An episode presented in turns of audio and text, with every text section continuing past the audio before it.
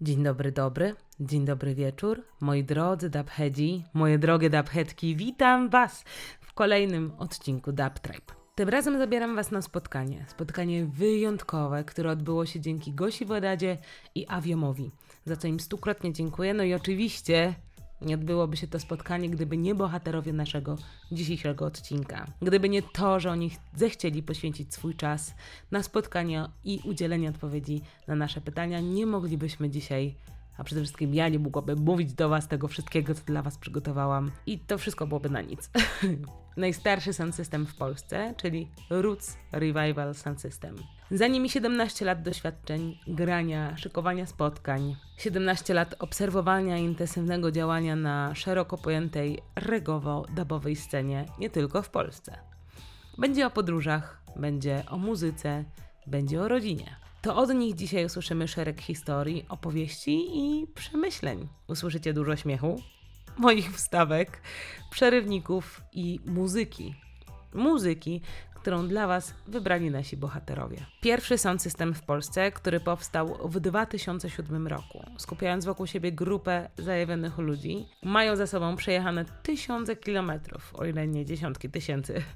Pierdyliard razy przeniesione paczki, dźwiganie, podłączanie, reperowanie, po to byśmy my jako Massive mogli odbierać muzykę około jamańską, około karaibską na najwyższym poziomie. Prywatnie sound system trzymający się mocno w piątce moich ulubionych soundów pod kątem brzmieniowym i nie tylko ostatnio, także... Mm, Tym bardziej ogromnie się cieszę, że miałam okazję przeprowadzić ten wywiad. Zanim zaczniemy, kilka słów wstępu, ponieważ bardzo zależy mi, żeby no nie powtarzać informacji oczywistych albo tych, o które już chłopaków pytano, więc postanowiłam informacje te zebrać do kupy. Oczywiście nie będzie ich za dużo, także yy, nie martwcie się, nie będziemy tego przeciągać. Twórcami, ojcami, założycielami sound systemu Roots Revival są JSM, którego część z Was może kojarzyć z legendarnego już stołecznego składu Tisztelet oraz Jaszol, człowiek orkiestra. W tej chwili, z tego co można zauważyć w sieci i podczas imprez, Roots Revival Sound System to nie tylko Jaszol i JSM, ale całe crew, czyli grupa ludzi, którzy zarażeni bakcelem muzycznym tworzą spotkania, imprezy dla nas wszystkich. Stosunkowo niedawno do grającego core ekipy dołączył też Tomana. Aktywni dub promotorzy od lat działający w naszej polskiej rzeczywistości. Tribe 84 Basscamp Festival to przedsięwzięcia, w których maczali swoje palce, mówiąc absolutnie najdelikatniej.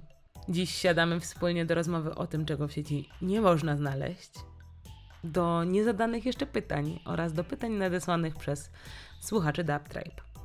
No i z tego miejsca szczególne pozdrowienia ślę do moich patronów i matronek, e, którzy wspaniale nakierowali mnie merytorycznie, e, jak się do tego spotkania z e, chłopakami przygotować, więc ogromne podziękowania poza osobami, które zdecydowały się wysłać swoje propozycje pytań ślę dla Dadiego Boza, dla Manfasa z Fatifati, Oliha, MG, Woja, i Wacy, którzy zanim pojawiły się wpis na Instagramie, podrzucili kilka pytań od siebie i kilka propozycji, a także merytorycznych wskazówek, żeby ten wywiad był ciekawy. Jesteście super, dziękuję Wam bardzo serdecznie.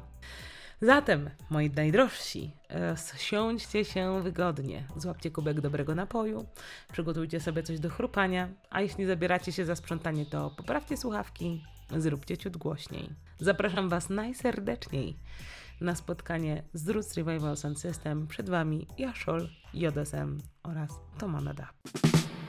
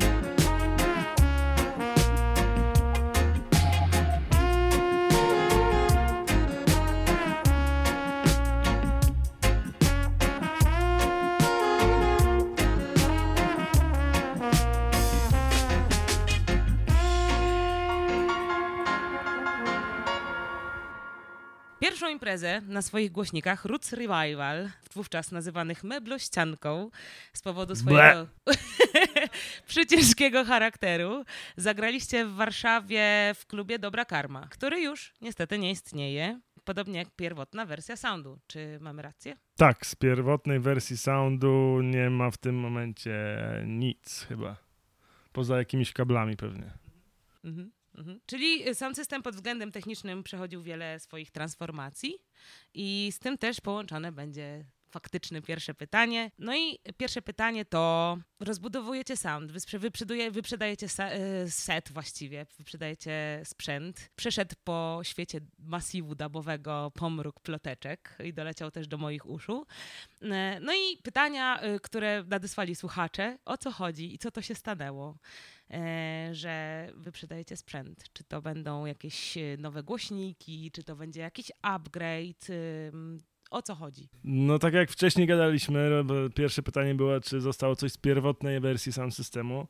Nic nie zostało, ponieważ no, system jest to taki projekt, który próbuje dążyć do doskonałości w swojej, e, w swojej egzystencji, czyli chciałby być najbardziej doskonały, jeśli chodzi o brzmienie, według nas, jeśli chodzi o selekcję i vibe. No i w związku z tym trochę nigdy nam się nie kończą pomysły, jak możemy usprawnić to brzmienie, ten vibe i te selekcje. I chyba się nie poddajemy dalej.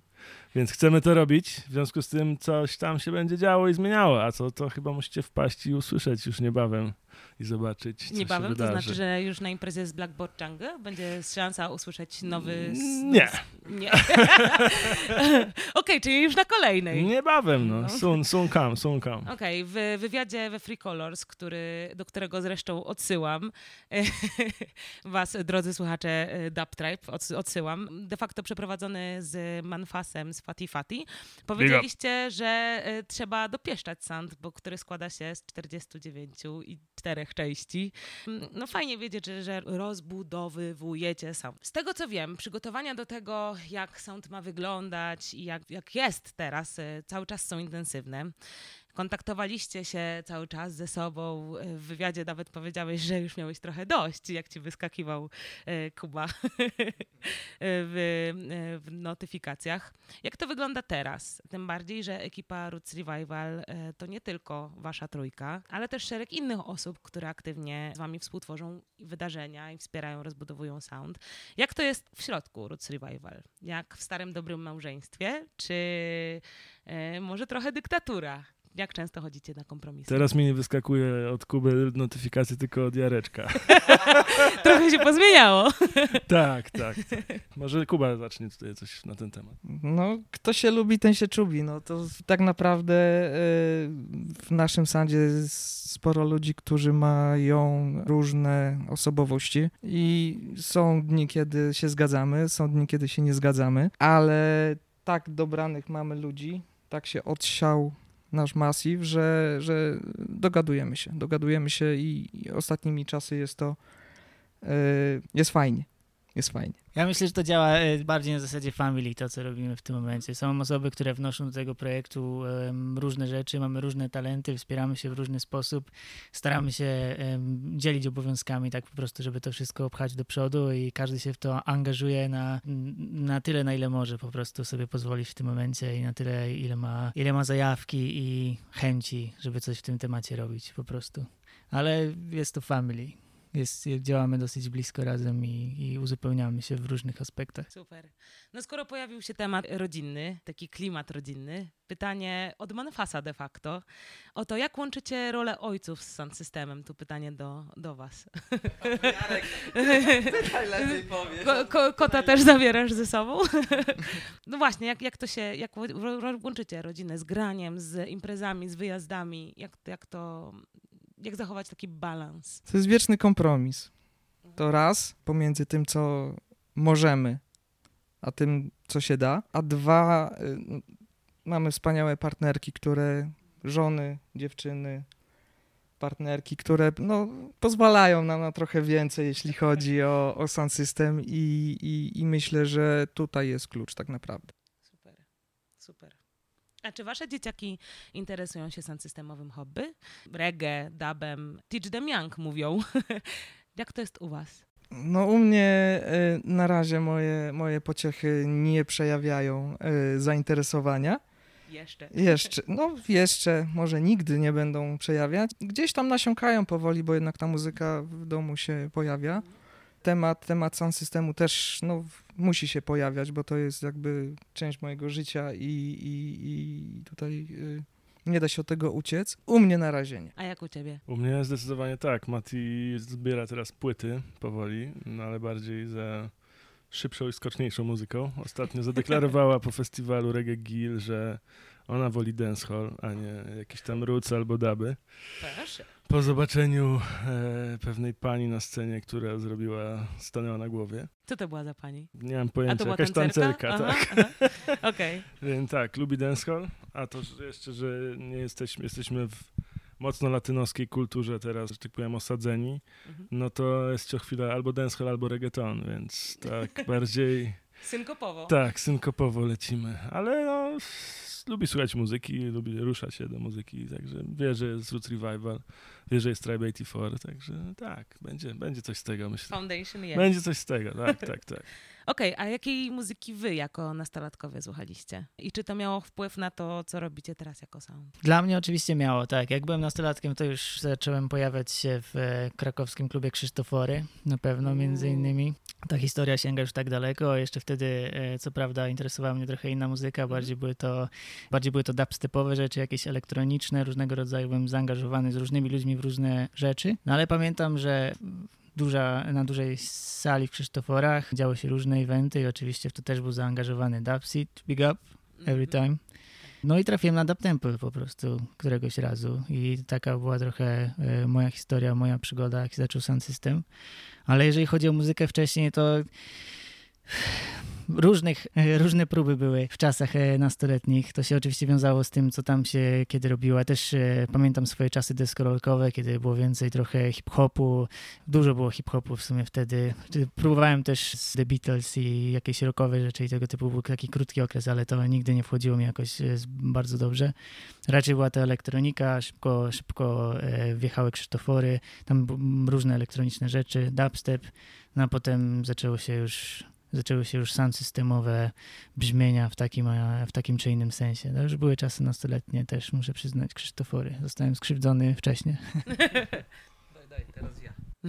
Okej. Ja nawiążę do słynnych Krzysztoforów. Ja trochę w, Krzysztoforach byłem troszkę wcześniej niż Jarek, bo ja też jakby z, z tamtych rejonów jestem, O. tylko że moja edukacja, jeśli chodzi, a czy inaczej, skąd trafiłem w, w, w, klimaty reggae? Z elektroniki. Okej. Zacząłeś Czyli- zbierać elektronikę po prostu? Nie, zacząłem słuchać elektroniki. O, a jakiej muzy? Drum and bassu i jungli. Tak naprawdę jungle dla mnie to był taki gateway drag w stronę, w stronę reggae. Mhm. Wokale, wiadomo, w junglach bardzo często są wykorzystywane wokale z, z reggae.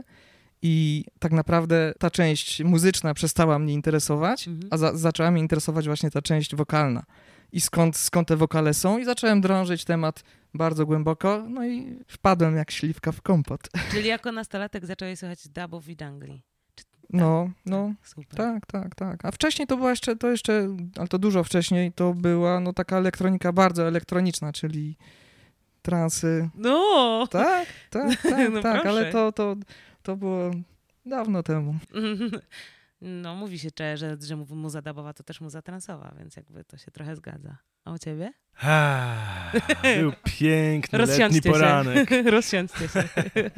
Nie, e, u mnie było dosyć klasycznie chyba, bo w domu mieliśmy taki stary, starego kaseciaka i któregoś razu na bazarze pod moim domem, na łóżku polowym, z, na, takie były panowie, którzy przyjeżdżali raz w tygodniu, sprzedawali kasety po prostu z naklejką SPAW albo ZAX. Wow. I tam któregoś razu mój tata przy, przyniósł kasetę Boba Marleya One Love, A? które, w której ja słuchałem tylko i wyłącznie jednego numeru, a potem zacząłem słuchać więcej. Który to był numer?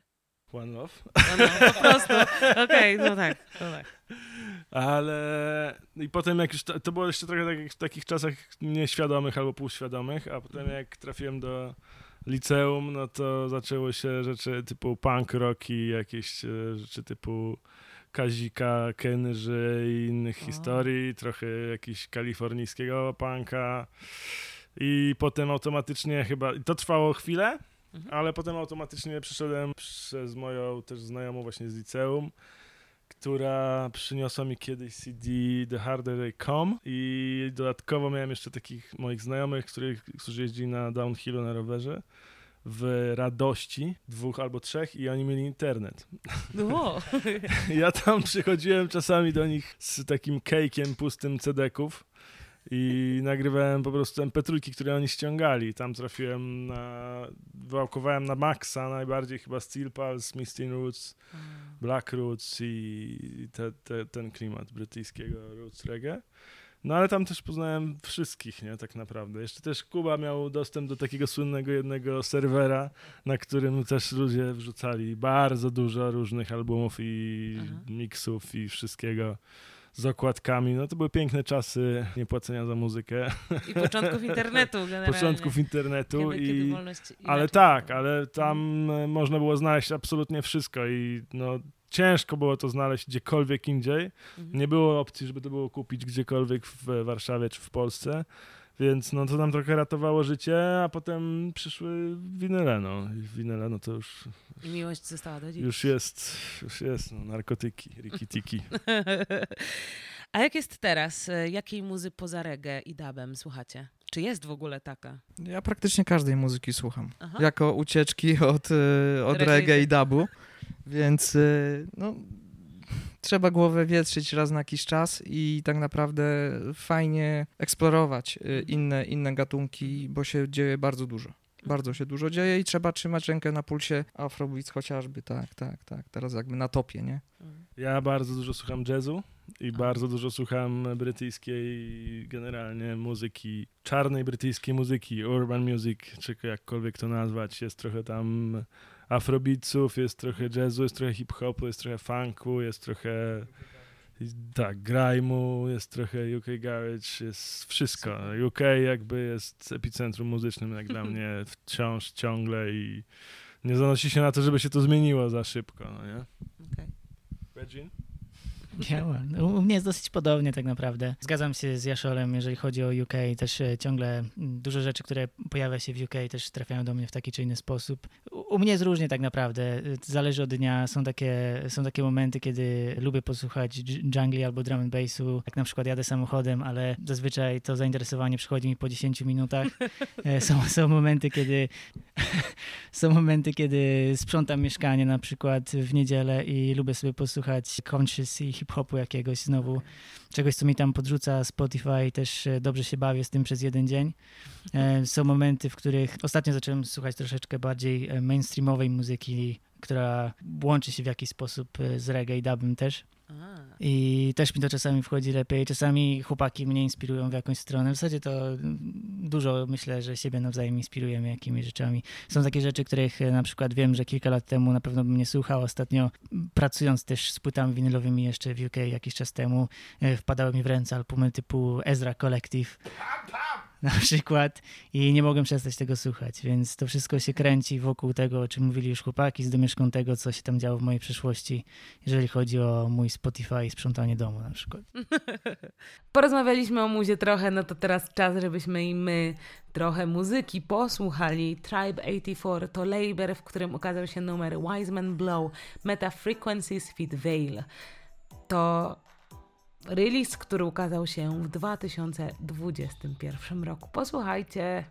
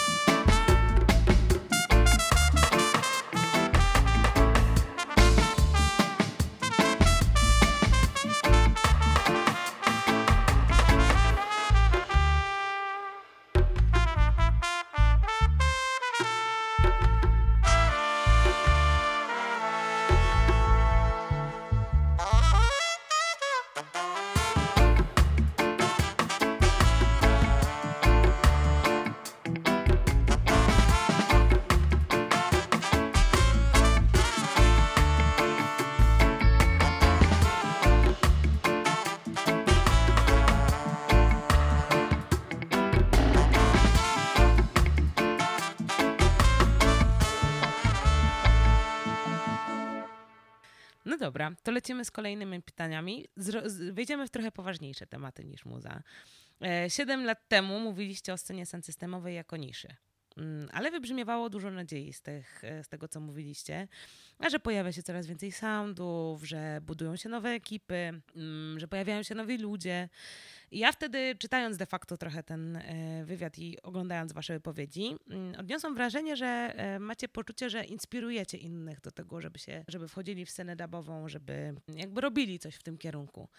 Natomiast w zeszłym roku ułożyliście kij w mrowisko, otworzyliście skrzynkę Pan- Pandory i rozpoczęliście prześwietną dyskusję, prześwietną dyskusję o kondycji sceny dubowej w Polsce.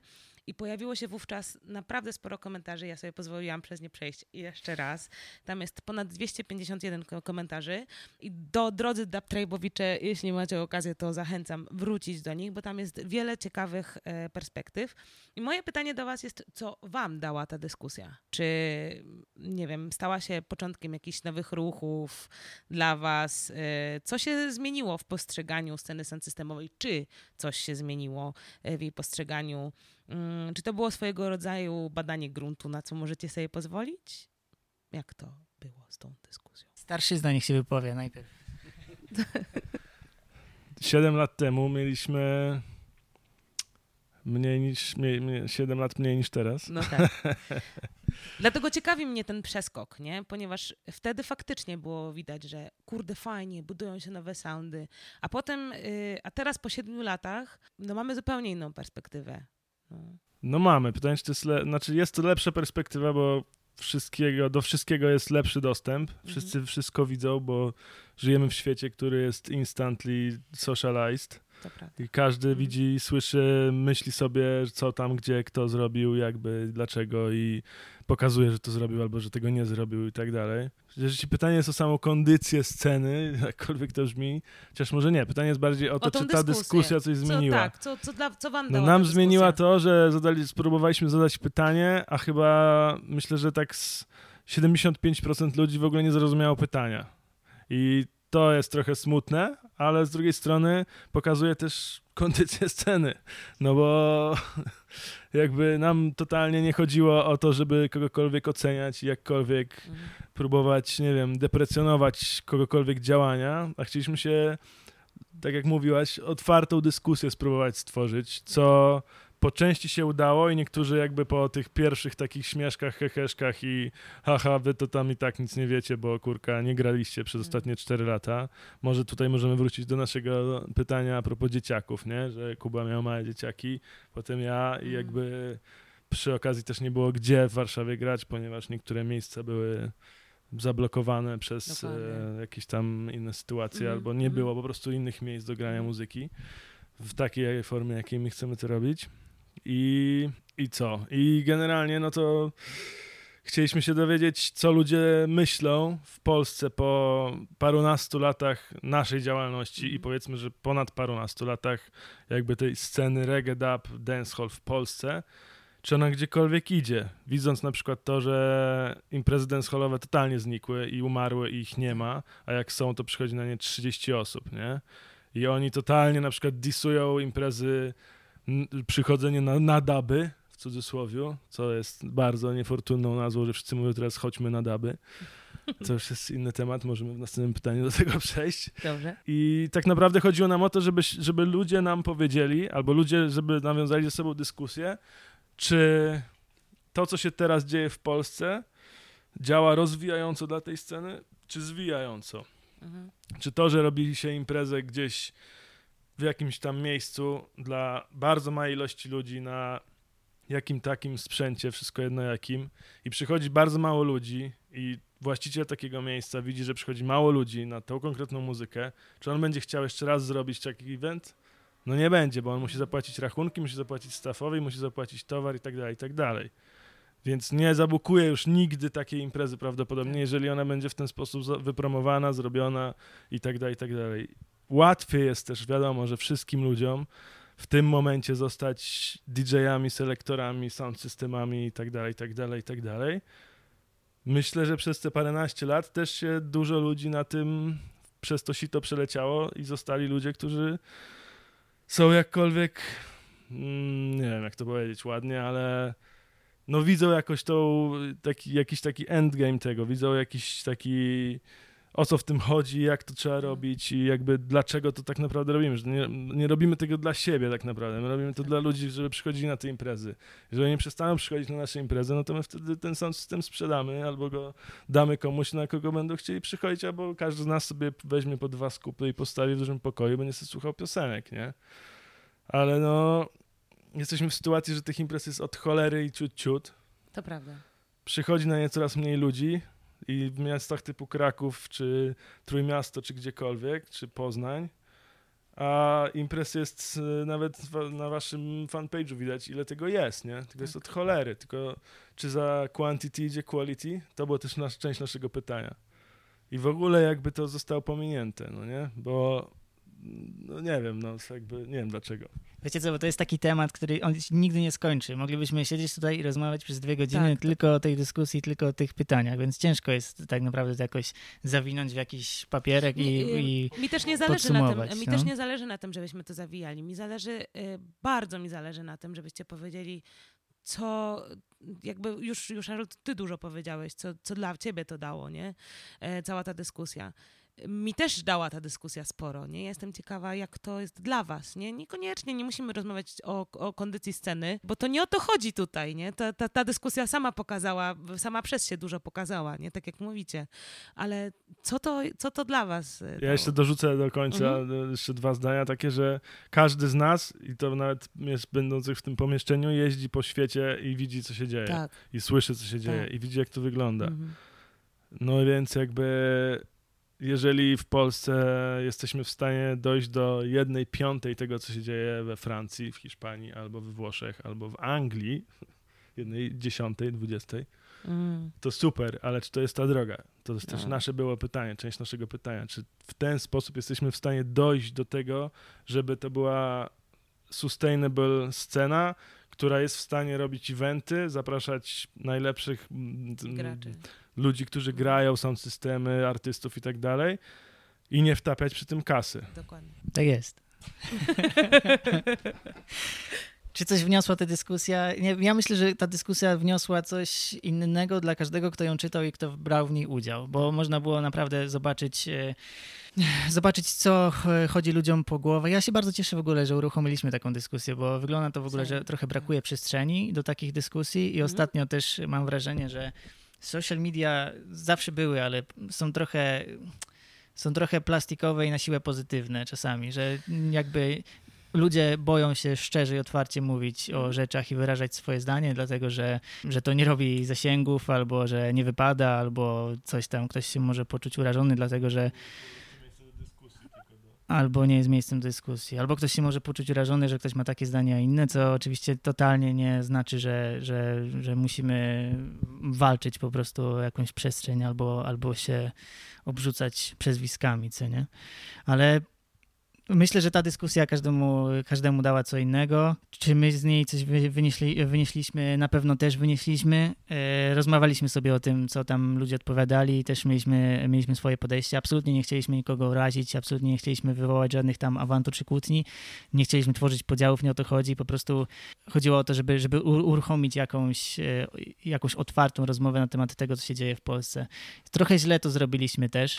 E, Muszę przyznać, że był to mój pomysł i tam e, wypisałem jakby kilka pytań w jednym poście i wydaje mi się, że to, to niezrozumienie, o którym mówi Ashol na przykład, wynikało z tego, że e, było to źle napisane. No ale z drugiej strony, zobacz, ja też zadaję wam kilka pytań pod rząd i wy rozumiecie, co ja do was mówię. Nie? Tak, ale tam było chyba za dużo, za dużo takich triggerujących rzeczy w, w Aha, jednym poście. Wydaje mi się, że na przykład okej, że te, okej. te, tam było chyba z siedem pytań i to można Tak. było rozbić na trzy różne posty i może by miało trochę większy sens. To może bo- będzie materiał do kolejnych dyskusji, żeby do tego wrócić. Ja nie? miałem wrażenie, że w którymś momencie tam w komentarzach e, zaczęło się zacząć taki trend, żeby mówić o tym, co komu się nie podoba. A nie tak, takie, tak, tak. ale w ogóle nie takie były pytania, nie? I to No. się zrobiła taka litania po prostu, że nagle się zrobiła przestrzeń do tego, żeby każdy mógł powiedzieć, co mu się w tym momencie na scenie nie podoba. Ale to też było ciekawe, bo też usłyszeliśmy trochę tego, o czym ludzie myślą na przykład. I Mhm. było słychać takie głosy, o których ja na przykład nie myślałem wcześniej, nie brałem pod uwagę, że ktoś e, idzie na imprezę i na przykład byli ludzie, którzy mówili, że, że jest za mało, za mało grany rocksteady na przykład, albo że jest za mało grany, że za mało rootsu, albo że im brakuje e, bardziej jamajskości w tym wszystkim teraz, bo za dużo jest dub techno na przykład, w sensie Mm. szybszych rzeczy. Em, nie wiem, byli ludzie, którzy mówili totalnie na odwrót. Różne rzeczy. Ja y, też po 10 latach życia w UK, dla mnie to było ciekawe te, te wszystko poczytać i uruchomić taką dyskusję, dlatego że sam tak naprawdę w, po powrocie do kraju staram się zrozumieć, co tutaj się tak naprawdę dzieje, jak to wygląda, kto co jak robi. I dużo się już nauczyłem, dużo zrozumiałem, odkąd tu tam, tutaj jestem. Ta dyskusja to był krok właśnie w tą stronę, żeby, żeby mieć trochę lepsze pojęcie. Także myślę, że każdy z nich wyniósł coś tam dla siebie, ale czy możemy to podsumować jakimiś kilkoma mądrymi e, zdaniami albo słowami, to nie sądzę, szczerze mówiąc. No tak, bo to jest temat rzeka, tak jak Na mówicie. pewno parę ludzi nas e, mniej lubi po tym zadaniu tych pytań. Serio? Myślę, że na pewno. O. Nie rozumiem tego. Jakby mm, ja się odniosę do tej dyskusji, bo dla mnie mi to dało e, na przykład tyle, że faktycznie to, to o czym mówisz, e, Jarek, że tam jest litania, trochę narzekactwa, ale pomiędzy tymi e, rzeczami, na które narzekamy, bo, nie tyl, bo tam się wypowiedzieli oczywiście promotorzy, systemowcy, ludzie grający, Dużo ludzi też się nie wypowiedziało, chciałem zaznaczyć. Tak. Też się na tym zastanawiałem, bo Tak. liczyłem na, na głosy em, ludzi, którzy działają prężnie w różnych miastach i widziałem, że ich brakuje, a wiem, że, że, mają oczy, coś były, do powiedzenia. że oczy były skierowane w tą stronę i uszy Okej, też. Okej. Szkoda. Y, Mi to dało na przykład tyle, że, y, bo jak, jak wracając, że pomiędzy tymi rzeczami, na które ludzie narzekali, były też takie, takie wskazówki, co robić lepiej. Dla mnie te- też jako osoby, która de facto współorganizuje imprezy w Łodzi, czy robiąc dub dla mnie to było bardzo ważne, żeby wiedzieć, w którym kierunku iść y, z rzeczami, które my robimy, nie? Także dziękuję wam jeszcze raz za tę dyskusję. Y, Wszystkim dub polecam do niej czasami sobie zajrzeć i przemyśleć. No dobra, ale jak, y, bo jakby de facto też e, w tej dyskusji było poruszone Unity. Jak to jest z tym Unity w waszym odczuciu? Patrząc po tym, jak budujecie ekipę Roots Revival y, i wokół, wokół siebie, to Unity faktycznie jest the key, nie? I to widać u, u was, bo to działacie prężnie, to wszystko fajnie funkcjonuje. Jak myślicie dodatkowo, czy szerzej na tym naszym polskim podwórku to Unity jest możliwe w ogóle?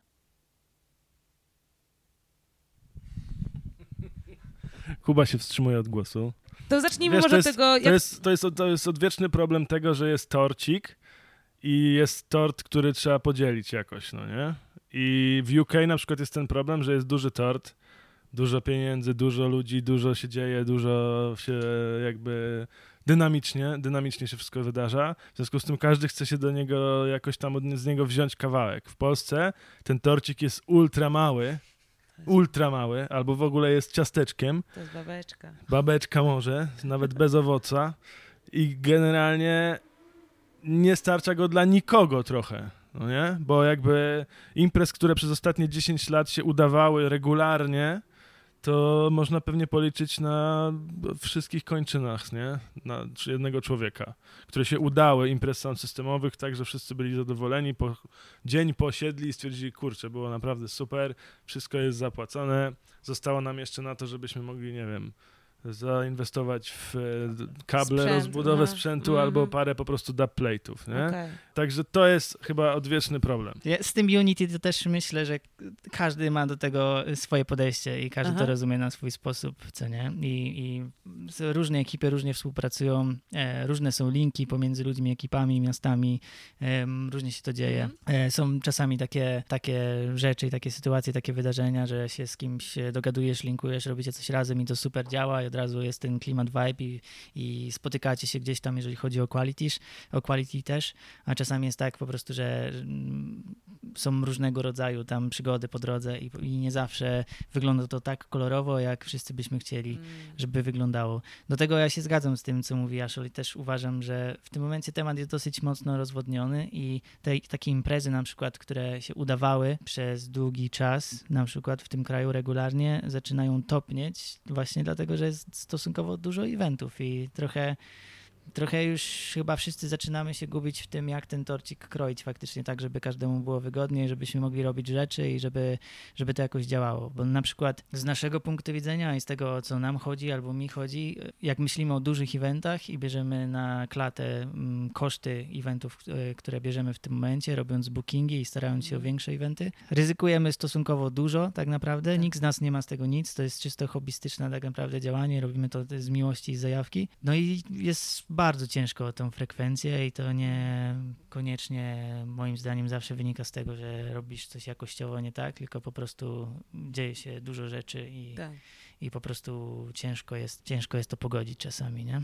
Czerwiec w zeszłym roku był w ogóle takim miesiącem, e, w zeszłym, w zeszłym roku albo dwa lata temu, że było 11 imprez e, w, jednym, w jeden weekend. 11 imprez w całej Polsce i w Polsce tylko. Było kilka naprawdę fajnych bookingów wtedy, ale na imprezach po prostu marna frekwencja, dokładnie tak jak mówicie. No i właśnie dlaczego nie ma zamiast 11 imprez dwóch, które Dwóch, mają no. dobrych headlinerów? Albo jednej, która ściągnie większość, większość, e, większość. A z drugiej strony też każdy ma prawo do tego, żeby organizować Oczywiście. eventy, żeby Tak. budować są systemy, żeby robić swoje rzeczy. My totalnie też nie, nie chcemy nikogo ograniczać i to jest po prostu jakaś tam naturalna kolej rzeczy też, nie? Chodzi o to, że my po prostu staramy się z tym mm, znaleźć jakąś swoją drogę. A czy, kontynuując to pytanie trochę, czy, y, chyba, że ja to sam chcesz coś powiedzieć, nie? Dobra. A czy zauważacie może, y, bo trochę tak y, usiadło to, nie? Jakby, czy czujecie, że jest coś, co zwiastuje jakąś zmianę, że są jakieś takie choćby maleńkie jaskółki, cień jaskółki, która by coś takiego po, pokazała, że może jednak będzie lepiej. Próbuję się doszukać czegoś dobrego. A Shanty Silla w tym roku w Warszawie. Ojeju, to, był, to była genialna impreza, tak. To, jest jaskółka, okej. Okej. To jest jaskółka, no nie mamy w Polsce festiwalu poświęconego tylko i wyłącznie kulturze sound systemowej, takiego, Aha. na którym są headlinerzy, którzy są w stanie ściągnąć ludzi, nie, spoza tego kręgu najbliższych swoich znajomych i na Mhm. który ludzie są gotowi przejechać więcej niż 100 kilometrów, nie?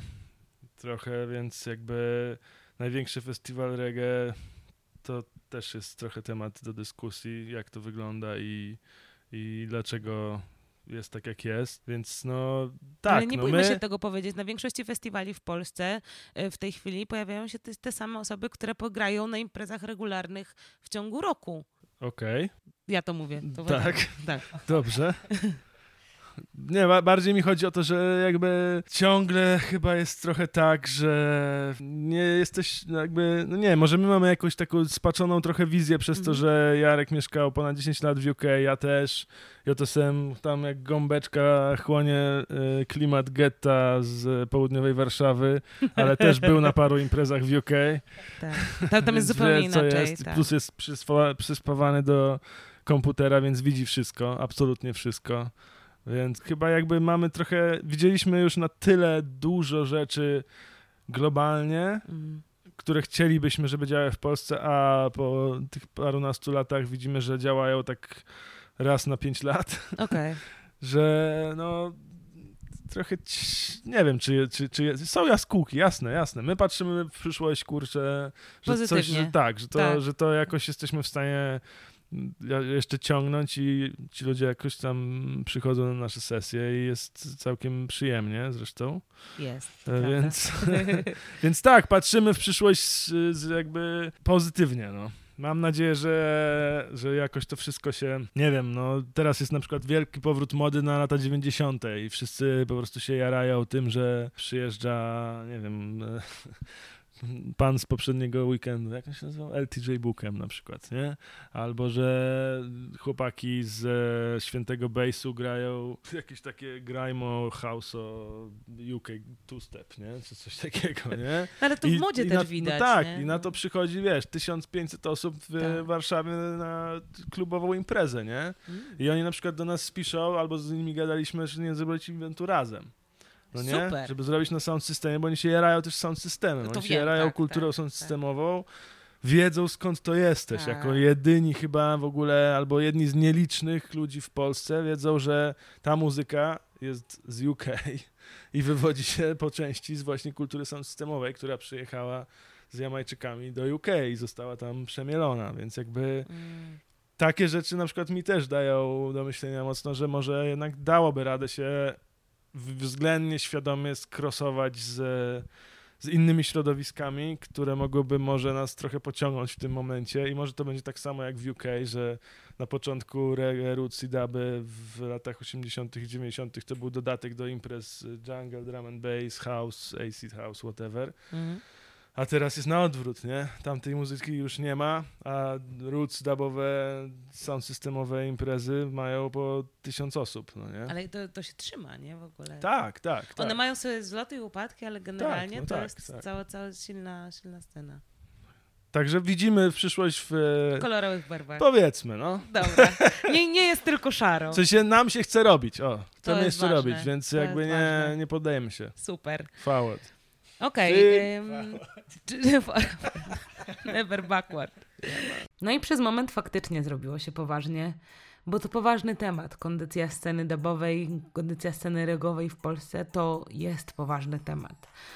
Więc powtarzając samą siebie ze wcześniejszej części wywiadu, ja naprawdę serdecznie Was zachęcam do tego, żebyście do tej dyskusji wrócili. Ja pozwolę sobie w opisie tego odcinka podrzucić Wam odnośnik do tej dyskusji. Zobaczcie, co tam jest napisane, co napisali ludzie, którzy bywają na imprezach, ludzie, którzy sesje dubowe organizują, bo to są ważne głosy. Myślę, że każdemu z nas dadzą do myślenia. Jeśli macie ochotę wejść w tę dyskusję razem z nami, zapraszam Was serdecznie do zostawienia komentarza. Napiszcie, co myślicie o tej dyskusji, co myślicie o tym, co powiedzieliśmy przed chwilą. A my lecimy dalej z muzyką Rafał Der, Jerry Lions.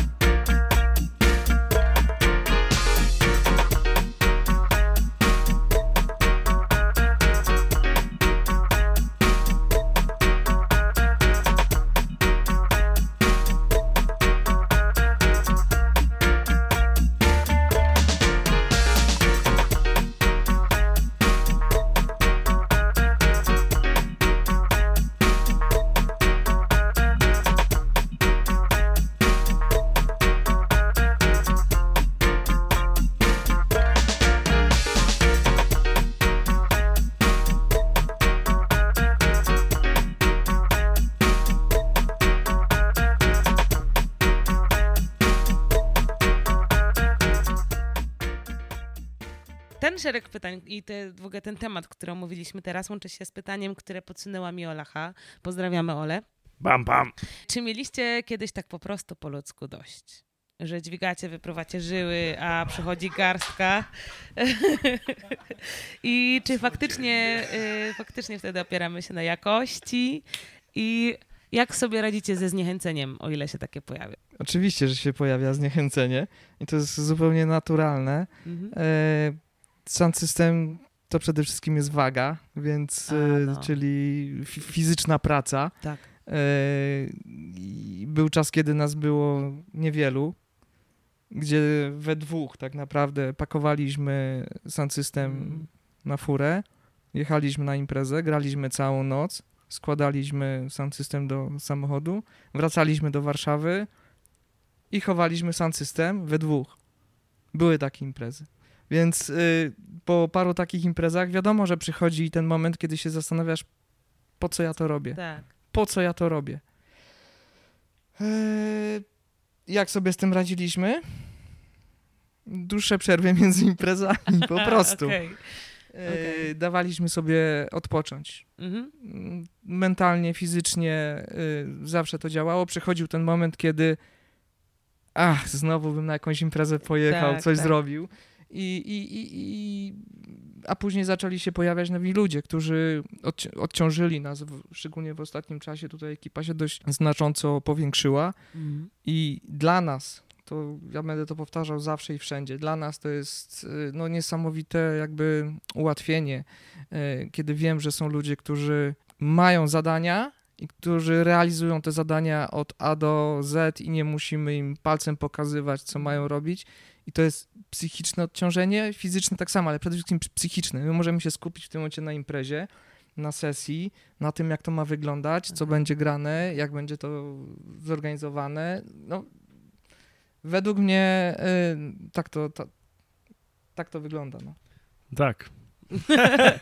Okej. Nie, no tak, tak. Już myślę, że z dobre 7, 8, 9 lat temu, jak, jak robiliśmy rzeczy nieregularnie, bo nie było miejsc za bardzo w Warszawie i zaczęli do nas wpadać część ekipy, e, na przykład Carlos, Michciun, Kudłaty, Jackie Boy i oni nam pomagali bardzo mocno. Część z nich została, część stwierdziła, że inną drogą chce iść. No i ostatni zastrzyk nowej energii w postaci Youngblood. Youngblood e, prosto z importu, z Wielkiej Wyspy. Też bardzo mocno jakby dał kopa w tyłek chyba nam trochę wszystkim. I też się skrystalizowała mocno nasza cała ekipa, całe family jakby jest takie, że wszyscy mniej więcej wiedzą, co mają robić i Mhm. przez to też nie tracimy tyle czasu na dużo rzeczy, nie? Bo jakby, że jak mamy bookingi, to często było tak, że mieliśmy jednego albo dwóch driverów, trzeba było ogarnąć artystów, trzeba było ogarnąć sound, więc ta impreza zaczynała się o 8 rano w, w dzień e, imprezy, kończyła się na przykład o godzinie 20 następnego dnia i się spało między parę godzin, żeby było złapać tylko przymknąć oko. I no nie było dużo ludzi, nie? Żeby to jakoś tam ogarniać dookoła. Na przykład była pamiętna impreza z The Disciples i John Danem, jak Mm. przyjechali i spali u mnie na kanapie w domu, bo em, powiedziałem otwarcie, że raczej będziemy wtapiać na tym i generalnie no, nie mamy kas na hotele. No i powiedzieli spoko, przyjeżdżamy. No ale to było tak, że nie przyjechali przy, chyba w ogóle dzień wcześniej, więc sobie spędzili przyjemny dzień w Warszawie. Potem zagrali tą imprezę, a w międzyczasie my musieliśmy przywieźć głośniki, zawieźć głośniki, odpalić soundcheck, to, to, jedzenie, bam, bam, bim, bam. No i tak, trwało to w sumie z 48 godzin, ale tak. Jeszcze wrócę do tego, o czym Mhm. gadaliśmy w off-topie, bo w, w, zanim weszliśmy na antenę, powiedzmy, yy, rozmawialiśmy o waszym dziesięcioleciu, które był w 2017 roku. I to był rok, kiedy yy, ja was poznałam jako Sound System w, na imprezie z Afrodite'em. Yy, to było w Krakowie, yy, nie, w Katowicach. W Katowicach to było. Big up Carlos. Tak. I wtedy y, mówiliście o tym, że graliście kilka imprez w ogóle w jeden weekend. I, i to tak, też... było parę weekendów, kiedy graliśmy dwie, dwie imprezy z rzędu w różnych częściach Polski, czyli soundem. tak, trzeba, no Mm. tak, trzeba było pojechać, rozstawić się, zagrać, złożyć się, przymknąć oko, przejechać, rozstawić się, zagrać, przymknąć oko i jeszcze wrócić do Warszawy, roz, zrzucić sound w kanciapie i, i następnego dnia jeszcze rano zwrócić furę, nie? Także tak, to były takie przyloty, że te drugie imprezy cię, często były trochę gorsze niż te pierwsze. a, a czy po tym roku potrzebowaliście przerwy? Mm, Czy, czy Wiesz co, ona chyba się wydarzyła naturalnie, bo jakoś, nie wiem, czy nie było właśnie wtedy, kiedy wszystkie venue w Warszawie trochę zaczęły się zawijać i skręcać. Aha. I jakoś tak poszło, że, że, że w ogóle nie mieliśmy gdzie grać i też jakby trochę czekaliśmy, że może coś się otworzy, trochę czekaliśmy, że może się da gdzieś zrobić coś nieregularnie, na przykład co, nie co miesiąc, ale bo dwa, tylko co trzy, cztery, pięć. To się nie wydarzyło, minęło tak parę lat, że, że, żeśmy grali mniej niż więcej, no. Ale tak, ten rok był taki, że zagraliśmy chyba, no, między 20 a 30 sesji z, z soundem, nie? W, w jednym roku i to było grubo było, nie? Łącznie z e, naszym pięknym kwintesencją jak Iration i Johna, ten, e, jak on się nazywa? Danman. Da. Byli w e, Iskrze. Bombo. Lat. Dalej rozmawiamy o tym, czy mamy dość, czy nie mamy dość czasami. Tak, tak. Oczywiście, że mamy dość. Często mamy dość. A ma- co, bo sound ciężki? Nie ma, nie ma się nad czym zastanawiać. Też e, w grę wchodzi to, że, że wokół robienia eventów trzeba wykonać bardzo dużo pracy. Często te, tej pracy się też nie widzi. To nie jest tylko tak, że, że po prostu jest dzień imprezy, wchodzimy do klubu, No wystawiamy tak, to- głośniki i tak dalej. No bo my jako Massive po prostu sobie przychodzimy, odbijamy się na bramce, gotowe, tak. tak, bawimy się do, do, do, do, na tyle, ile mamy siły i wychodzimy. Ale my jako promotorzy, jeżeli też e, sami promujemy, sami organizujemy Tak. te wydarzenia, no to y, myślimy o tym cały czas i to jest, to jest ciężka praca marketingowa, to jest utrzymywanie swoich, swoich profili różnych Mm. na social media, to jest, to, jest, to jest rzecz, o której myślisz cały czas i pompujesz w to dupo godziny w, w różny sposób tak naprawdę Tak. w trakcie twojego życia. Big up też. Zajmuje to bardzo dużo czasu. Tak jak powiedziałem wcześniej, też wiąże się z różnego rodzaju ryzykiem, też finansowym, jak, Mhm. jak robimy eventy. Dużo trzeba, trzeba logistyki przy tym organizacji, trzeba klepać rzeczy, trzeba zamawiać, trzeba potwierdzać, trzeba jechać na lotnisko, trzeba zawieźć, więc czasami jak wracamy do domu po takim evencie na przykład i sam system już jest więziony do, do kanciapy, no to myślę, że każdy ma takie 10 minut, kiedy sobie myśli, że po co ja to robię? w zasadzie.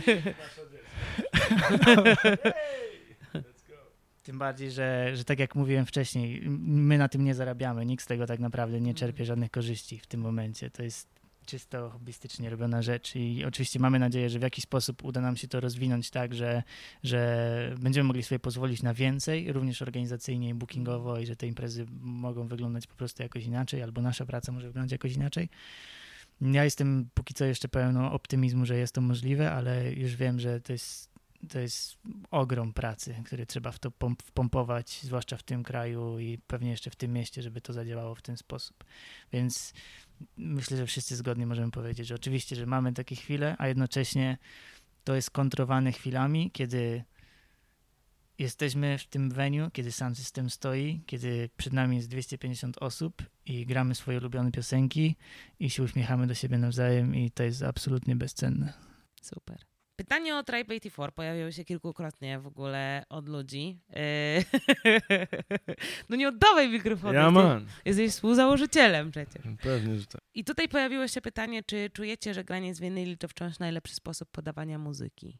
Nie wiem, czy najlepszy. My taki lubimy i tak gramy, ale też gramy, jak mamy dubplaty, gramy z komputera, a jak ktoś ma dubplaty albo inne produkcje wersji digitalowej, to gra z CDJ, no jakby Mhm. to nie jest tak, że jesteśmy jakimiś ultraortodoksami, którzy, którzy chcą tylko i wyłącznie grać z winyli, no to jakby nie. Ka- muzyka schodzi nam o najlepszą selekcję, wszystko jedno z czego jest puszczane. To jakby to, I to było wszystko, co dostałam, y, bo już de facto odpowiedziałeś na, odpowiedziałeś na dwa pytania od razu, które były powiązane z Tribe, Tribe 84. Ja się jaram w ogóle, że to robicie dalej, ale y, ciąg- i, i lecimy, y, lecimy z, kon- z kolejnymi pytaniami, nie będę przedłużać. Rok po wywiadzie, na którym produkcja Aeration Stepas czy Abba Shantiego zostały przyrównane do techno, mówiliście wówczas, że zdarzy się tak, że one będą w przyszłości Foundation, Foundation. Dla mnie są Foundation, mm, bo ja jestem nowicjuszem w dobowym świecie. Między innymi taki numer jak Positive Vibration e, czy What's Wrong, Iration Stepas to są dla mnie w ogóle super, super numery. I pytanie jest, jak to waszym zdaniem wygląda teraz? Tym bardziej, że faktycznie pojawiają się e, winyle promujące się jako dub techno. I są już takie, y, są takie releasy też de facto w Polsce, gdzie dla mnie to jest dość takie raptowne i dziwne. Co wy o tym sądzicie? Ja wrócę jeszcze raz do tego, że nie lubię, jak ktoś mówi, że idziemy na duby, słuchamy meblościanki i że słuchamy mordeczko, ktoś mówi, to już w ogóle wychodzę. Ale też moim zdaniem dub techno to jest totalnie jakby...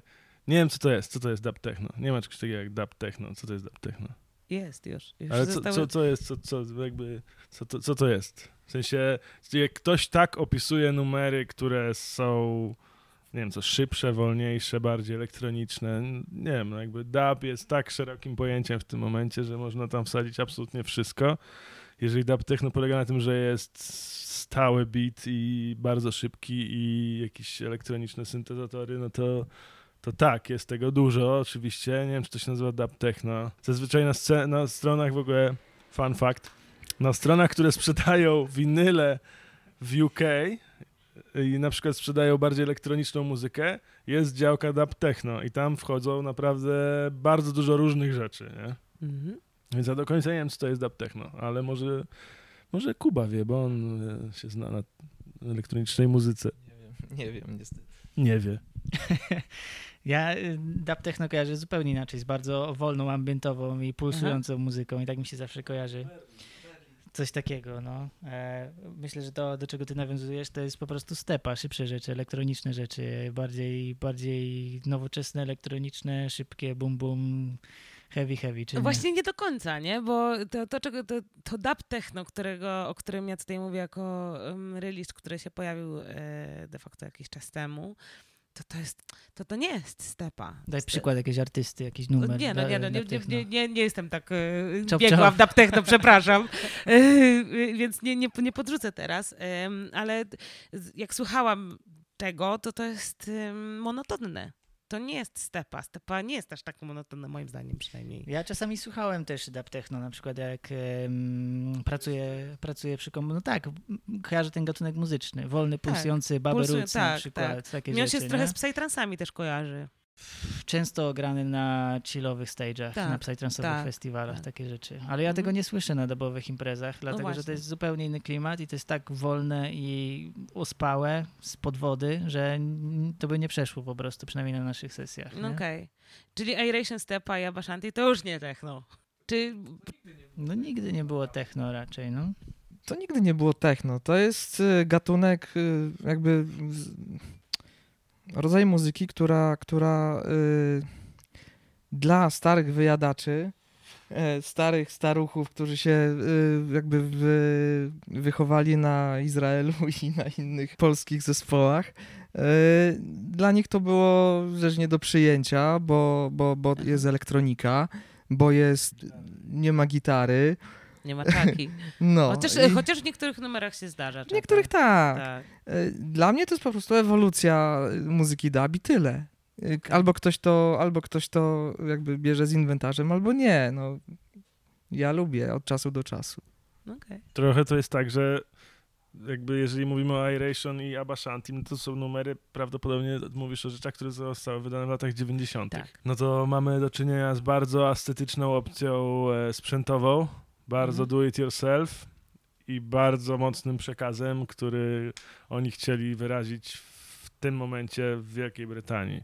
Więc Mhm. część z nich umiała jakby muzycznie więcej, część z nich umiała z nich mniej, ale to jest ciągle UK dub, no. To nie jest Super. dub techno, to jest, to jest podstawy, fundamenty brytyjskiego dubu, no. Okej, to pozwolę sobie tutaj, y, bo ładnie mi się łączy, y, wpleść pytanie od jednej z słuchaczek Dub Tribe, które się pojawiły na Instagramie. Także bardzo dziękuję i pozdrawiam Anana. I ona pyta y, was, czym jest dla was UK dub, a czym francuski dub? I czy te dwa, czy to są zupełnie dwa różne światy? Moim zdaniem się to pytanie łączy z tym, o czym teraz rozmawiamy. Są różne światy, na pewno. W, Jeden jest z Wielkiej Brytanii, drugi z Francji. De facto, y, de facto też i tutaj ja się wetnę, zanim odpowiecie do końca, można to usłyszeć, ponieważ i zapraszacie artystów i z Francji, i z UK. Nie? Jakby samemu można ocenić te różnice też. Ale... UK jest ciekawym miejscem, bo w UK jest e, bardzo dużo muzyków, którzy robią to, produkują sami. Jest bardzo dużo takich wannabe producentów, którzy też produkują sami. Jest bardzo długo w sumie działa UK, UK dub. Tak, jakby jest y, stworzony, już ma dobre 30 parę lat pewnie.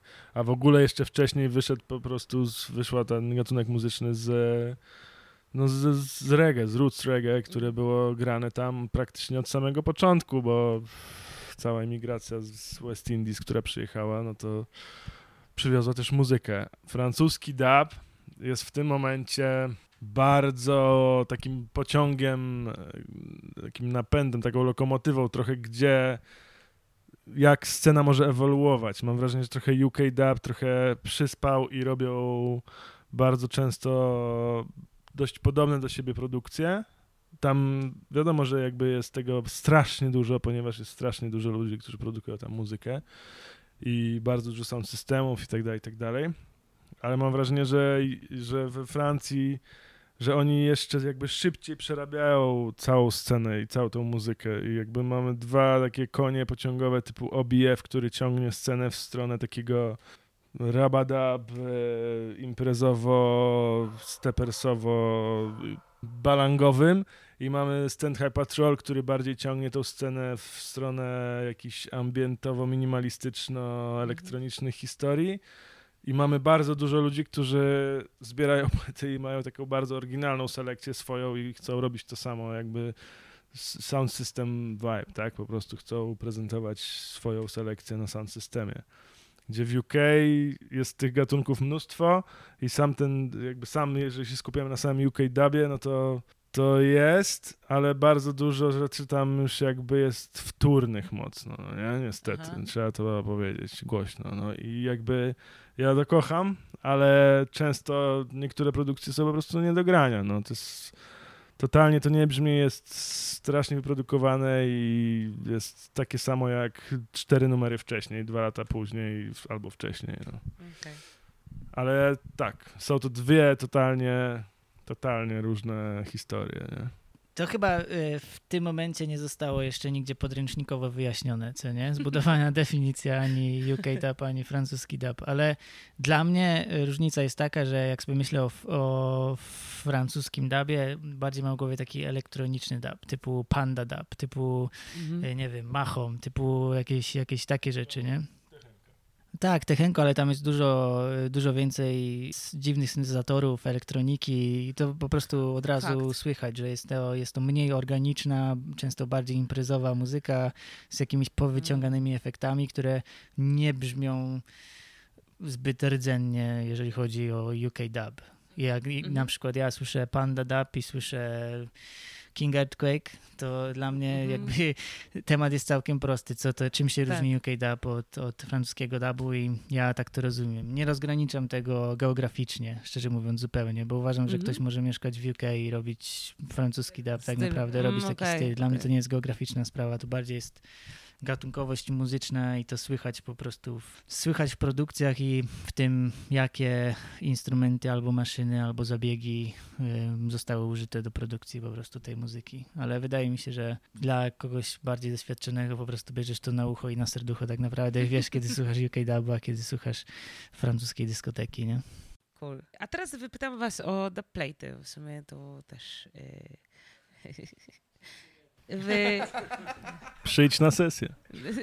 Ja to, to, kochani dubtrape'owicze, przechodźcie na sesję. Koniecznie. Mów, y, mówiłeś o wywiadzie piąt, o w swojej piątce u Cukra. Jaszol, mówiłeś, e, przyniosłeś w ogóle acetat Burning Spira. Tak. Czy macie więcej acetatu? No mamy mnóstwo. No. Tak, jeszcze z, z czasów, kiedy mieszkałem w Londynie. no. Opowiadałeś nam historię, że wycinałeś się w ogóle. Tak, sam. jeździłem do Leona, świętej pamięci, który już niestety nie żyje, do Music House, słynnego studia, w którym wycinają, wszyscy dubplaty wycinali, Mhm. wycinają od lat 80. do, do teraz na Tottenhamie, Mhm. ale tylko Arsenal. E, no tam u niego sobie spędzałem trochę czasu i wycinałem na plate. A jak często je gracie? Bo one, bo one się po pewnym czasie zużywają. To jest cienka po, Tak, powłoka tak. winylowa, nie? No nie no, staramy się zawsze na naszej sesji grać jakieś zaplejty, no nie ma opcji. No. Jakieś po to, na po pewno, to no są, to po tak, to no są, tak. żeby je grać, no. Tak. Ile, jaką ilość mamy w tym momencie, to ciężko wyczuć, no bo część też mamy po prostu w wersji digitalnej, Aha. ale jak ostatnio przerzucaliśmy Jarkowi nasz katalog pod tytułem Da Plates, to się załamał totalnie, tam komputer nie wytrzymał i trzy komputery nie wytrzymały i w końcu chyba się udało, ale, ale do dzisiaj jeszcze nie przebrnął przez e, Wszystkie. całość, tak, także trochę tego mamy, a jeśli chodzi o acetaty, no to też jest, jest ze- zebrałaby się tak, myślę, że ze trzy godziny selekcji samych acetatów by się zebrało. Cool. Może, może przydałaby się sesja taka z samymi acetatami. Czemu nie? Namawiam. Let's go. Dobra, a jakie jest e, najodleglejsze miejsce albo najbardziej magiczne, w którym mieliście okazję grać? To jest pytanie od Oli Haznów. Tu chyba Szefuncio się może wypowiedzieć najbardziej z nas wszystkich, szczerze mówiąc. Ale nie, no to nie graliśmy z Roots Revival, tak? Chodzi o No Roots tak, chodzi, Revival. chodzi o Roots Revival, tak. Nie no, myślę, że Dubcamp był na pewno takim miejscem, które nam mocno zaorało wszystko, no bo to jest największy sound systemowy festiwal na To świecie. był zeszły rok. Tak, w zeszłym roku DJ set było upalnie, ale było pięknie. tak, to było bardzo przyjemne. Na pewno fajnie, ale to nie, to nie było z Roots Revival. W tym roku w Chorwacji też było bardzo miło. Dobrze wspominam Baskamp numer 3 i 4 na Polanie w górach. Całkiem było dobrze tam też grać. No, dobra. O Baskamp w ogóle, e, o jest mnóstwo pytań od ludzi. I, e, no. Słuchając tego wywiadu, e, w ogóle mam sama masę przemyśleń. Chciałabym wam tyle dodać, tyle powiedzieć jeszcze, ale patrzę na czas i na timeline, ile już czasu minęło w trakcie tej rozmowy i po prostu aż mi głupio. Jeśli chodzi o Baskamp, to jest to palące pytanie i to było najczęściej pojawiające się pytanie, czy na Instagramie, czy od osób, które wymieniłam na samym początku tego odcinka. Sama zresztą jestem ciekawa, co z tym Baskampem, bo jak później usłyszycie, ja nie miałam okazji jeszcze być na żadnym. Zatem trzymajcie się mocno siedzeń, bo to, co usłyszycie, myślę, że Was zaskoczy. A w międzyczasie Hitman i Fiza numer Braveheart.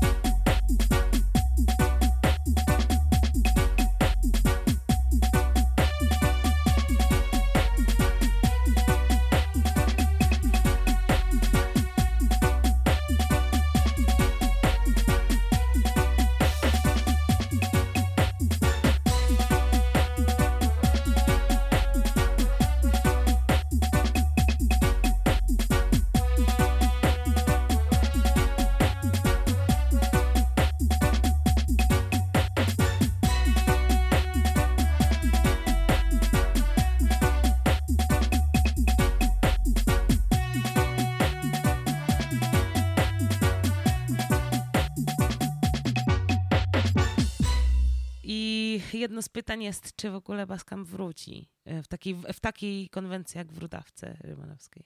Poproszę o następne pytanie. nie ma, nie, proszę się nie wymigiwać.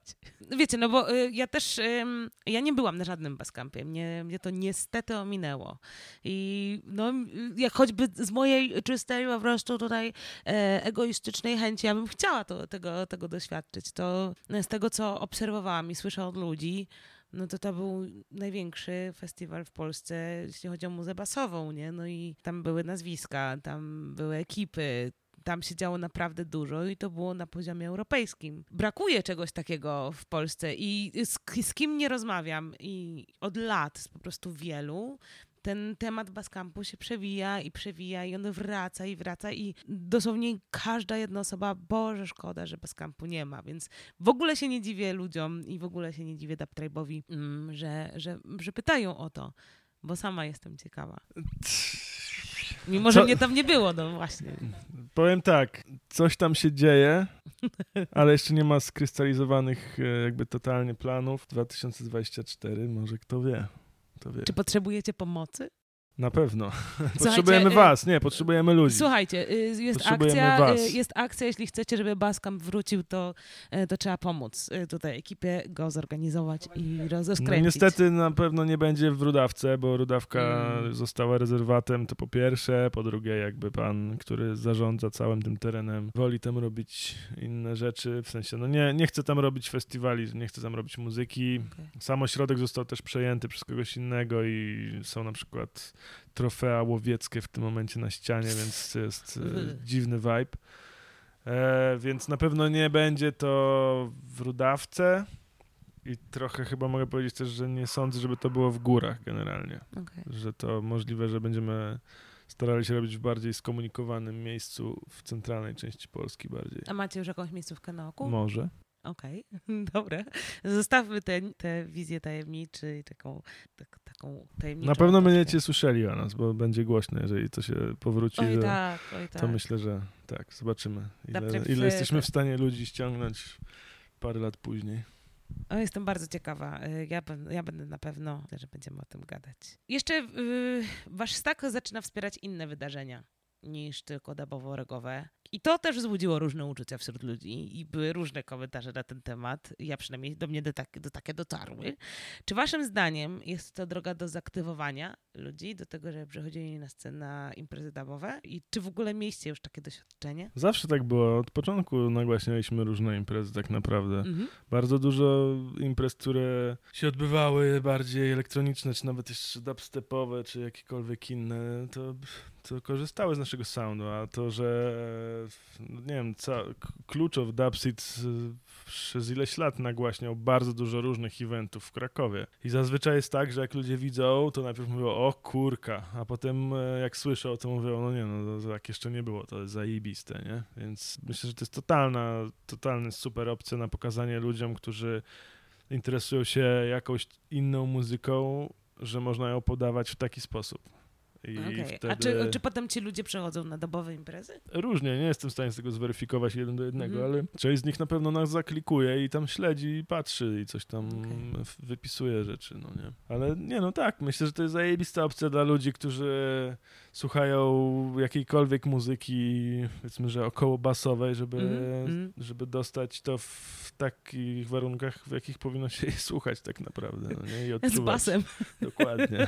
Clean. No dobrze, rozmawialiśmy już o tym, że przyszłość rysuje się w ciepłych, kolorowych barwach i że macie chęć robić dalej y, muzę. To teraz rzucę pytania od ludzi. Emja pyta, co, nie kto, było powodem czy inspiracją do założenia kolektywu Roots Revival? Słabe nagłośnienie w klubach.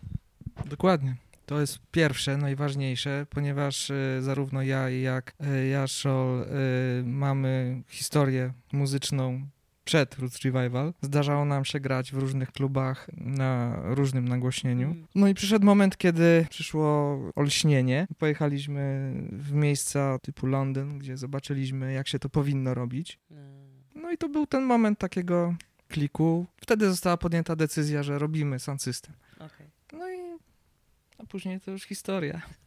Tak, no, w południowej Warszawie w, na pierwszym piętrze pierwsze skupy, które były testowane. One by, ja czytałam, że one były grube i Oj, tak. duże i MDF. ciężkie. Tak. MDF, bez kółek, bez uchwytów.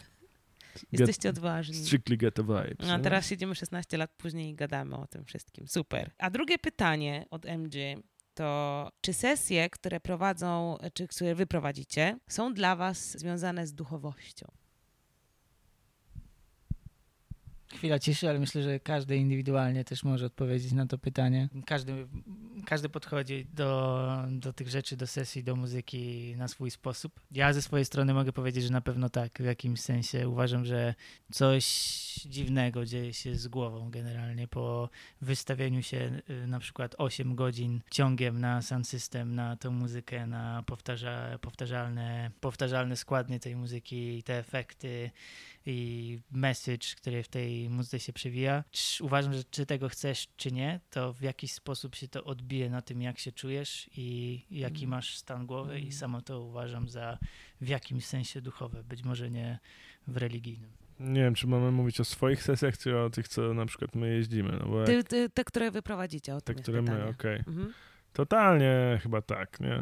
Ja Na pewno, na pewno myślę, że działa to terapeutycznie i działa to też y, tak uwalniająco, no bo też były takie sesje, na które obaj, albo jeszcze oba troje, obaj pewnie jeszcze przychodziliśmy oba troje. przychodziliśmy totalnie wyczerpani, styrani po tygodniu pracy albo coś tam e, przy, po wnoszeniu soundu, po jakimś wynoszeniu z- po schodach, wnoszeniu po schodach i podpinaniu, spoceni, zmęczeni o godzinie 21, ale jak zaczynamy grać pierwsze numery albo po godzince już zaczynaliśmy się rozgrzewać, to już było tak, że wow, no jest super, nie? I potem następnego dnia to zmęczenie było totalne, ale głowa była taka uff, leciutko, milutko i dobrze, Mhm. więc tak, tak, totalnie. A jeśli chodzi o innych sesje, jeszcze trochę rozwijając to- te pytania, no to Aha. ja trochę mam tak, że, że czuję, czuję to jak w momencie, kiedy przychodzi mi taki dreszcz od góry do dołu i miałem parę takich sytuacji na sesjach sound systemowych, na przykład na Jaszace, albo na Abie, albo na no, no, przeróżnych, w przeróżnych miejscach. Miałem to gdzieś e, na Syberii, jak byłem z Raging Fire, jamańskim zespołem, e, w świątyni tybetańskiej Wow. i 12 mnichów zaczęło śpiewać po prostu gardłowym głosem jakieś tam piosenki. Miałem to, jak moja córka się urodziła, nie miałem takie dreszcze przechodzące przez ten, Proszę. przez od góry do dołu i, i tak, totalnie na niektórych sesjach to mam, nie? Mhm. Totalnie, nie? Na szace to było bardzo często, nie? Bardzo Okej. często, ja mam. No tu niewiele mam w sumie do dodania, bo koledzy już dość szeroko rozwinęli temat. No na pewno trzeba jakby rozróżnić kwestię religijności, bo myślę, że w jakiś Tak. sposób y, tutaj kolega zadaje pytanie o rastafarianizm i tak dalej. Też pewnie, no. No, ja nie jestem rasta, Mm. Co widać, słychać, być może i czuć, ale, ale w, mm, samo przesłanie, jakby słowa w muzyce są ważne Mhm. i y, można nie być rasta, a jakby y, słuchać tej muzyki i stosować się do jakby tego, co się słyszy. I, I myślę, że nawet samo to wpływa na nas. Wpływa na nas. No nawet no, jak ktoś nie chce, a słyszy na imprezie, w jakiś sposób to na nas oddziaływuje. Okej, bo ostatnie pytanie, zanim przejdę do naprawdę ostatniego, jest takie, że y, muza, y, muza dubowa ma bardzo silny przekaz polityczno-społeczny. Jak wy go odbieracie? Jak chcecie go podawać dalej? Bardzo indywidualne kwestie. Znowu, no. Naprawdę bardzo indywidualne kwestie. No ale jest, siedzi tutaj y, siatka indywiduów, no. Tak, ale nie chcę się wypowiadać za naszą trójkę nawet też, bo wydaje mi się, że my możemy mieć różne podejście do tego. Każdy Aha. powinien chyba brać odpowiedzialność za siebie z tymi Okej. rzeczami. Wydaje mi się, że na tyle się znamy, na tyle się zgadzamy, że nikt nie kwestionuje swoich intencji Mhm. ani, ani podejścia. Ja przechodziłem, jeżeli o to chodzi, bardzo różne e, etapy związane z muzyką, bo były czasy, kiedy na przykład, kiedy zaczynałem się tym interesować i bardziej mi chodziło o sound system i bycie w tym środowisku, jeszcze na przykład nie zwracałem aż tak uwagi bardzo na to, jakie treści tam faktycznie płyną Okej. i na czym się to opiera, jak bardzo radykalna jest ta religia i o co tak naprawdę niektórym ludziom chodzi. Po tym jak do mnie to dotarło, zobaczyłem w tym bardzo dużo piękna, ale też bardzo dużo dziwnych ograniczeń, uprzedzeń i rzeczy, z którymi się absolutnie nie zgadzam. Były momenty, w których podchodziłem do muzyki tak, że przesiałem swoją selekcję na przykład i nie za bardzo chciałem, żeby w mojej selekcji było uwielbianie Ja na przykład w numerach, rozumiem. gdzie, gdzie są numery, w których chodzi tylko i wyłącznie o to i nic innego się tam nie pojawia i Mhm. skupiałem się trochę bardziej na tym, żeby tam były treści związane bardziej, bardziej żeby poruszane były bardziej przyziemne kwestie, na przykład Okej. takie, o których ty mówisz, polityczno-społeczne, albo takie, żeby robić dobrze, albo być dobrym, albo się rozwijać, albo dbać Mhm. o siebie, o swoją głowę, nie wiem, Okej. takie rzeczy. Także przechodziłem różne etapy. Teraz y, zwracam uwagę na to, jakie są treści w niektórych w numerach, które prezentuję. Zawsze staram się, żeby były pozytywne. Mhm. Uważam, że niektóre są spirytualne i też otworzyłem się z powrotem bardziej na to, że, mm, że, są, e, że są psalmami, że są numerami, w których bezpośrednio się na przykład wielbi ale też z tego powodu zostało wpompowane w nie bardzo dużo duchowości i Okej. osiągnięty pewien vibe specyficzny, który, który bez tego byłby bardzo ciężki do osiągnięcia na przykład. Wpływa to bezpośrednio na to, jak się czujemy na przykład słuchając czegoś, co zostało wyprodukowane w, z jakichś większych powódek niż tylko chęć zrobienia ładnej piosenki. Okej. Tak, no, w sensie na maksa, na maksa jest nacechowany i tak, no, jakby my spróbujemy grać numery, które nie nawołują do ani nienawiści na tle jakimkolwiek, Mhm. ani nie są ksenofobiczne, rasistowskie, czy anty-LGBTQ, czy coś takiego, no, jakby jesteśmy totalnie otwarci na wszystkich i, i chcemy raczej promować pozytywne rzeczy, a nie, a nie jakieś bardzo negatywne. Też dużo artystów, którzy, którzy, z którymi współpracowaliśmy, nie do końca się z tym zgadzają i to jest trochę coś, co mamy, co robi u nas trochę taki brain fuck, no nie? Że Mhm. jakby oni śpiewają piosenki o tym, że one love i jest dobrze i że wszyscy się powinniśmy szanować i ten, ale, ale wy to nie. No nie? I bon.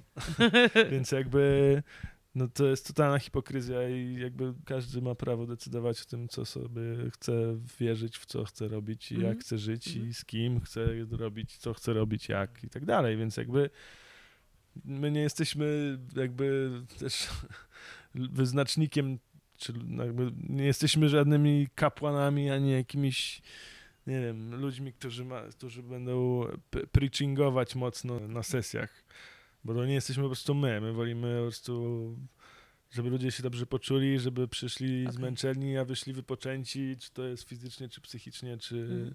jakkolwiek inaczej, żeby love is the most high, jak to Okej. śpiewa klasyk. That's it. Scene? Amen. Ja man. Oczywiście nie byłabym sobą, gdyby coś się nie pomieszało, o czymś by się nie zapomniało człowiekowi. I tak oto my skończyliśmy wywiad. e, Wszystko zostało zamknięte, podziękowaliśmy sobie i mi się przypomniało, że ej, jeszcze pytania jakieś mamy. Więc trzeba było zacząć to wszystko jeszcze raz i jeszcze raz ustawić, jeszcze raz się rozsiąść i jeszcze raz wrócić do trybu wywiadowania. Udało nam się to prześwietnie, zresztą gdyby nie moje wtrącenie i cała ta opowieść, to nawet byście się pewnie nie zorientowali, że coś było nie tak. Ale to też jest idealny moment na to, żeby zrobić kolejną przerwę i dać nam chwilę na y, rozsłuchanie się i przygotowanie się na, na tę wieść, że to już ostatnie pytania. I tym razem numer znów z labelu Tribe 84. Tym razem Violin Boy meets Jerry Lyons. Numer nosi tytuł Bongo.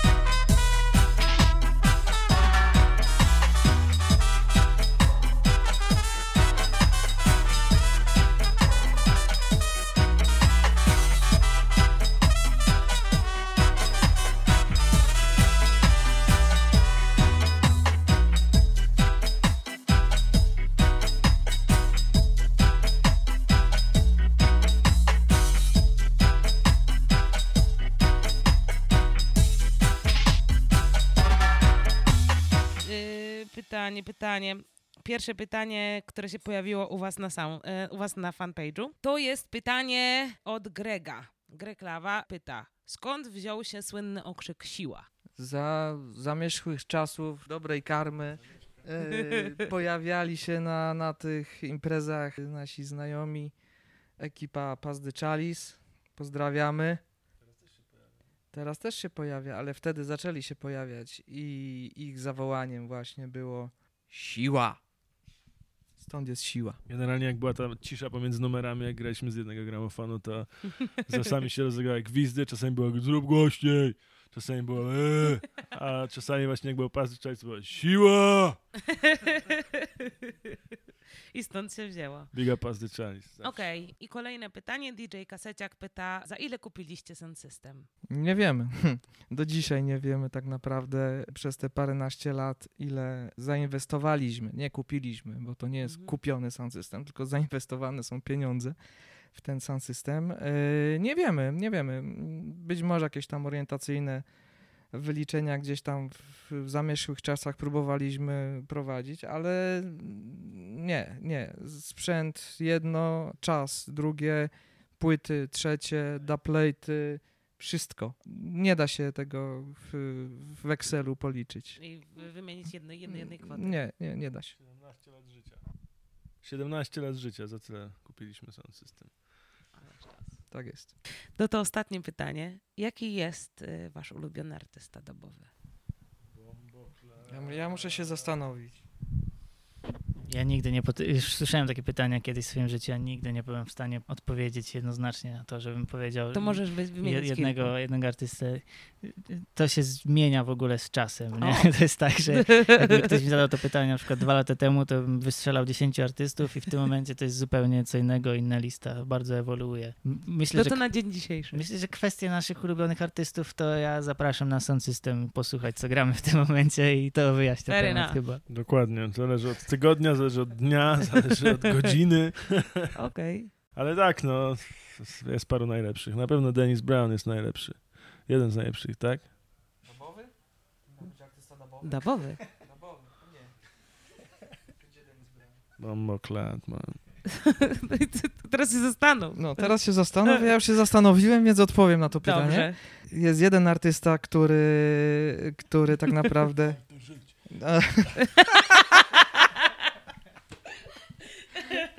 Nie. Który tak naprawdę y, ukształtował mnie jako, jako odbiorcę y, muzyki dubowej. No, jest King Tubby, po prostu. A, Po prostu. wow. Bez niego nie byłoby tego, co jest dzisiaj. No Okej. Więc jeśli mówimy o takim wzorcu, jeśli chodzi o muzykę dubową, King Tubby. Super. Czy na, na, namyśliłeś się? To jest, to jest takie pytanie, typu, czy bardziej lubisz orzeszki ziemne, Ziemne czy, czy nerkowca, albo może włoskie. No. No tak, Możesz wymienić no, kilku. jakby producentów czy artystów dubowych. Nie wiem, ja bardzo lubiłem Shanty Ites na przykład na żywo, a widziałem ich tylko raz. Co jest grane? Po- Eee, Ona też lubi. Shanty Ites. No nie, bardzo lubiłem e, na przykład jak grał Aswad. Jak grał. Aswad partie dubowe swoich numerów i sami siebie dubowali bez inżyniera. Że robili sami echo i że perkusista był w stanie zrobić delay na, na werblu na przykład sam sobie, no nie. Super ekstra w zeszłym tygodniu, dwa tygodnie temu, trzy tygodnie temu, nie wiem, Burning Spear ja widziałem pierwszy raz w życiu na żywo z zespołem i też mi zerwało czapkę, bo był, grał takie wersje dubowe swoich numerów, tam jego zespół, że wow, no nie? Więc to można tak gadać i Wymieniać gadać i i gadać i gadać, no. A czy wasi ulubieni artyści pojawiają się na waszych sesjach? W sensie jak zapraszacie, zapraszacie ich tutaj? No tylko zapraszamy naszych ulubionych artystów przecież. Zatem, e, kochani, dziękuję wam za rozmowę, a was zapraszam na kolejną e, sesję dubową organizowaną przez Roots Revival, którzy byli dzisiaj gościami Dub Tribe. Pam, Dziękuję. pam! Dzięki. Respect, respect. Dobranoc. No gośćmi, gośćmi, oczywiście, że gośćmi, nie gościami, ale nagrywaliśmy gdzie indziej, na innym mikrofonie, więc już zostało, musicie mi wybaczyć. Jakby tak się czasami zdarza, że się człowiek przejęzyczy. Zresztą cały ten wywiad to był po prostu jakiś spontaniczny sztos i ja jestem absolutnie przewdzięczna, że udało się go przeprowadzić. Y, Z tego miejsca jeszcze raz pozdrawiam i jeszcze raz dziękuję chłopakom za to, że znaleźli czas. Dziękuję Wam wszystkim, którzyście mi pomogli, żeby to się wydarzyło. Dzięki, że jesteście, dzięki, że chcieliście tego- wysłuchać. I co? I to by było na tyle z tego wszystkiego. Yy, Znów podziękowań, moc i dobrej energii masę ślę do Was wszystkich. Mam nadzieję, że Wam się podobał ten wywiad, bo ja się bawiłam prześwietnie, zadając masę pytań i dorzucając swoje trendy trakcie trwania dzisiejszej, dzisiejszego naszego spotkania, dzisiejszej audycji. Także słuchajcie, słuchajcie nas, słuchajcie, słuchajcie nas na Spotify'u, na YouTubie. Fragmenty tego wywiadu ukażą się z pewnością na Instagramie, ukażą się na TikToku. Zapraszam Was bardzo, bardzo serdecznie do podzielenia się tym wywiadem. A kolejna mm, sesja, którą organizuje Roots Revival to Hitman i Fiza, których spotkamy razem z nimi w Voodoo Club 7 października. Więc jeśli słuchacie tego wywiadu przed tym dniem, no to Was bardzo serdecznie zapraszam i serdecznie polecam, żeby się tam zjawić, posłuchać, jaka jest różnica między UK dubem a francuskim dubem i posłuchać, czego lubi e, słuchać Roots Revival, bo jak sami przyznali na samym końcu, zapraszają tylko tych artystów, których sami lubią słuchać. Dziękuję Wam jeszcze raz za dzisiaj. Trzymajcie się ciepło, pozostańcie zdrowi, pozostańcie bezpieczni. Na sam koniec właśnie Hitman i Fiza. Dzięki, do usłyszenia. Cześć!